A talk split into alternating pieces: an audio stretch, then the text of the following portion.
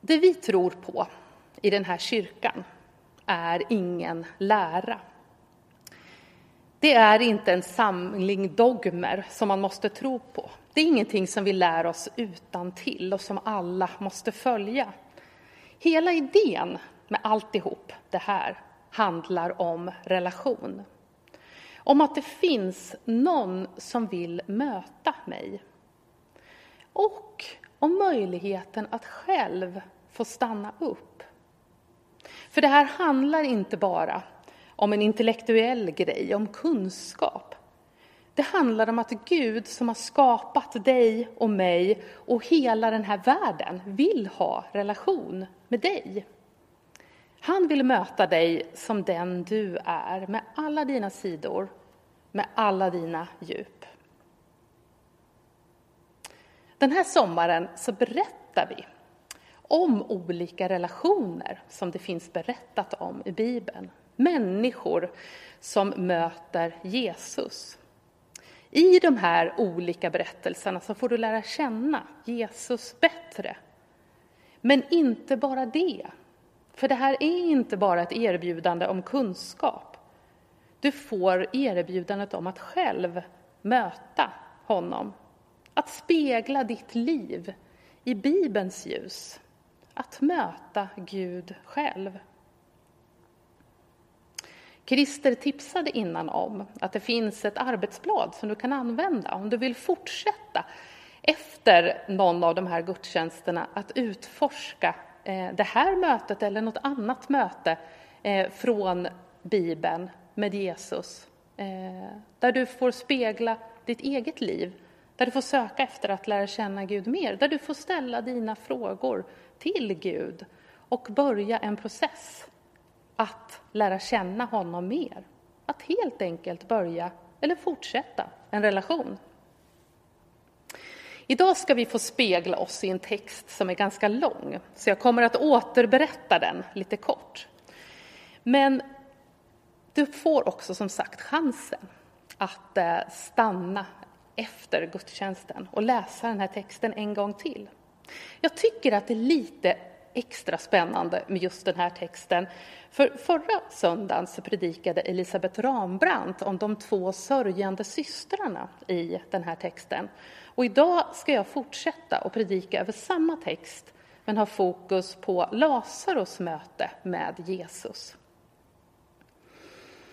Lazarus, han var svårt sjuk.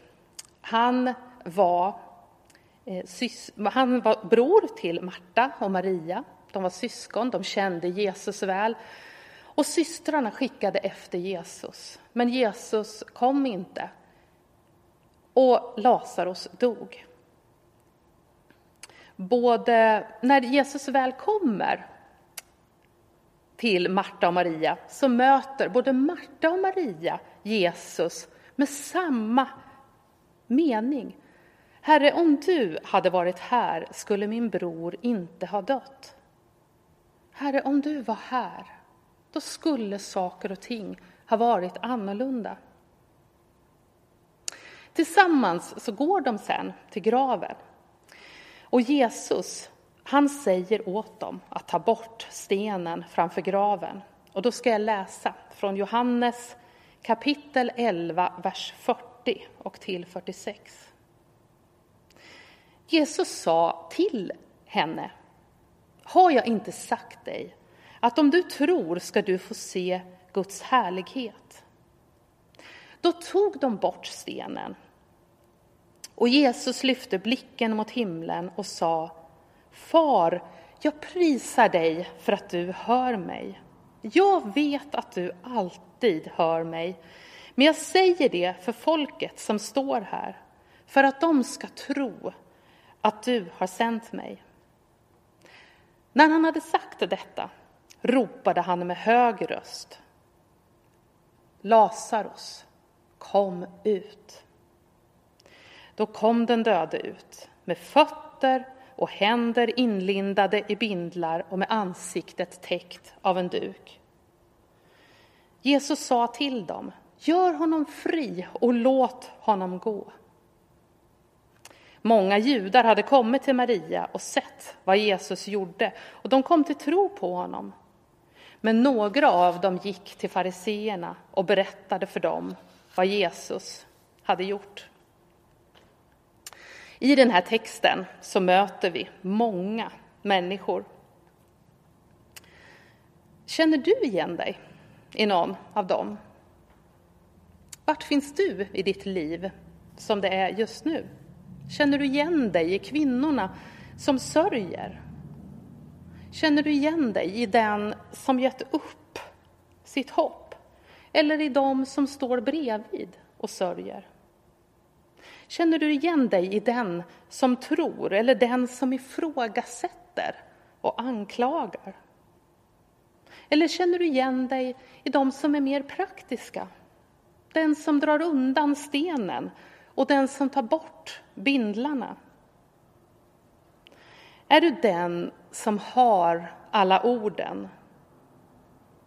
Eller är du den som bara faller ihop inför Jesus i tårar? Är du den som kommer till tro när du ser sånt här hända? Eller är du den som skeptiskt ser på? Jag tänker att det finns ett budskap till oss alla i den här texten. Oberoende av vem av de här vi kan känna igen oss i. Det finns mycket man kan fundera vidare på. En hel del av det funderade Elisabet på, som sagt, eh, förra söndagens predikan. Men jag ska fundera eh, åt ett litet annat håll. Jag kommer att fokusera på det som handlar om Lazarus och det som handlar om döden och som handlar om livet. Den här texten och det här mötet med Lazarus tvingar oss att tänka på döden. Döden väcker oftast obehag hos oss. Den är så slutgiltig och så omöjlig att påverka och så förknippad med sorg också, efter människor som vi saknar. Och så tänker vi på vår egen död, att vårt liv här på jorden ska ta slut. Men helst så vill vi värja oss ifrån den tanken. Samtidigt så är det ju så att döden gör saker med oss när vi kommer i närheten av den. Den som har snuddat vid döden men överlevt berättar ofta om det och berättar om hur det ändrat perspektivet på livet. Det som verkade så viktigt förut blev helt plötsligt oviktigt. Det som hastades förbi visade sig innehålla livets mening. Vi skulle kunna tänka oss att Lazarus blev en av dem. Han som fick livet tillbaka.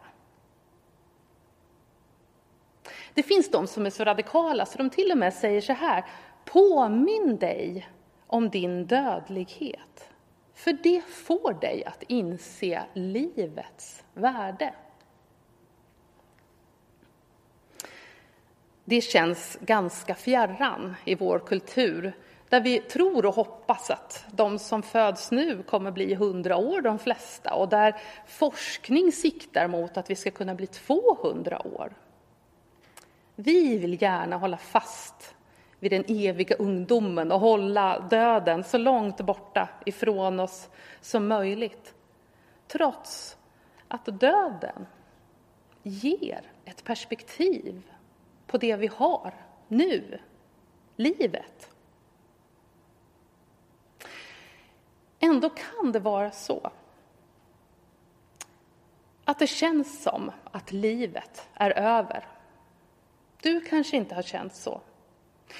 Men jag vet många som känt så. Det finns ingen mening mer. Allting är redan över. För att livet är så svårt.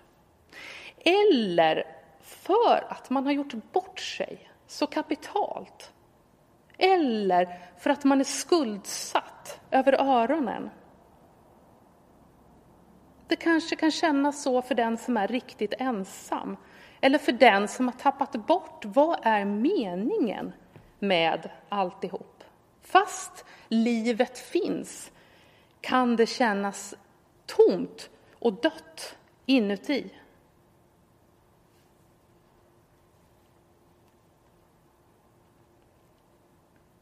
Jesus har någonting att säga i den situation som han är i just i den här berättelsen. Där hopplösheten och döden har tagit över. Man kan säga att Jesus presenterar sig här. Han vet, som Elisabet berättade om eh, förra veckan, han vet att leda, det religiösa ledarskapet i landet är ute efter honom och att det börjar dra ihop sig. Och på något sätt, mitt i det dramatiska som handlar om hopplöshet, om död, så kommer Jesus och presenterar sig. Det här är jag. Det här vill jag. Det här står jag för. Och då läser vi vers 25-26. Jesus sa, jag är uppståndelsen och livet.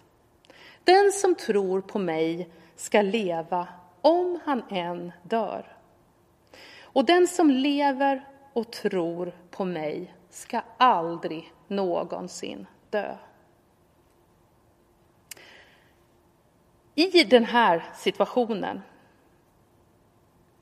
när Jesus visar sig som mest gudomlig genom att uppväcka en död, så visar han sig också som mest mänsklig genom att gråta, bli upprörd i sitt innersta, visa vrede över tingens tillstånd och gråta igen. Jesus är inte bara en idé. Han är inte alls en idé. Han är Gud och människa som du kan lära känna. Och här presenterar han sig som livgivaren. Och det paradoxala är att efter det här, när han så tydligt visade sig som livgivaren, så får han en dödsorder på sitt huvud. Hans livgivande gör att han döms till döden. Livets Herre ska dö.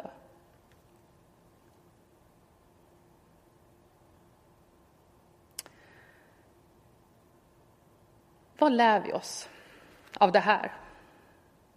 Vad kan jag som står här och du som sitter hemma i din soffa eller vart du sitter någonstans. Vad kan vi ta med oss från det här? Jo, Jesus, han känner med dig i det du är i. Han känner inte bara lite ytligt. Han känner starkt med den som gråter. Han känner starkt med den som är upprörd och arg. Och han känner starkt med oss i vår glädje. Vi får också bli påminda om att Jesus vill komma med liv till oss. Jesus, han vet vad du lever i. I den här berättelsen så säger Jesus kom till Lazarus som redan är död. Och Lazarus kommer ut. Jesus han säger kom ut till dig som känner dig död inuti. Som har tappat tron och hoppet och meningen. Kom ut till livet, säger Jesus. Han säger kom till dig som lever med tankar på döden, mer eller mindre hela tiden.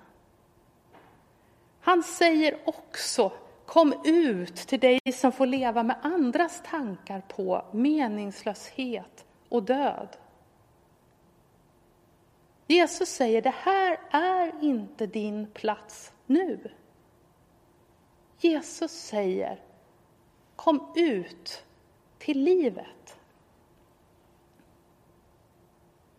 Jesus säger, kom ut till dig som saknar liv i livet. Jesus säger till oss allihopa, kom ut till livet. Vi ber tillsammans. Jesus, tack för att du är liv. Du skapat oss. Du håller livet i dina händer. Och du ser varje, varje liten människa. Du ser oss var och en, vad som rör sig inuti oss, alla våra känslor, alla våra tankar. Du ser den som livet rullar på för och du ser den där ingenting rullar på. Och du är en Gud som kommer till oss alla. Jag tackar dig för det. Herren, han vill välsigna dig och bevara dig. Herren vill låta sitt ansikte lysa över dig och ge dig frid. Herren vänder sitt ansikte till dig och är dig nådig. I Faderns, i Sonens och i den helige Andes namn. Amen.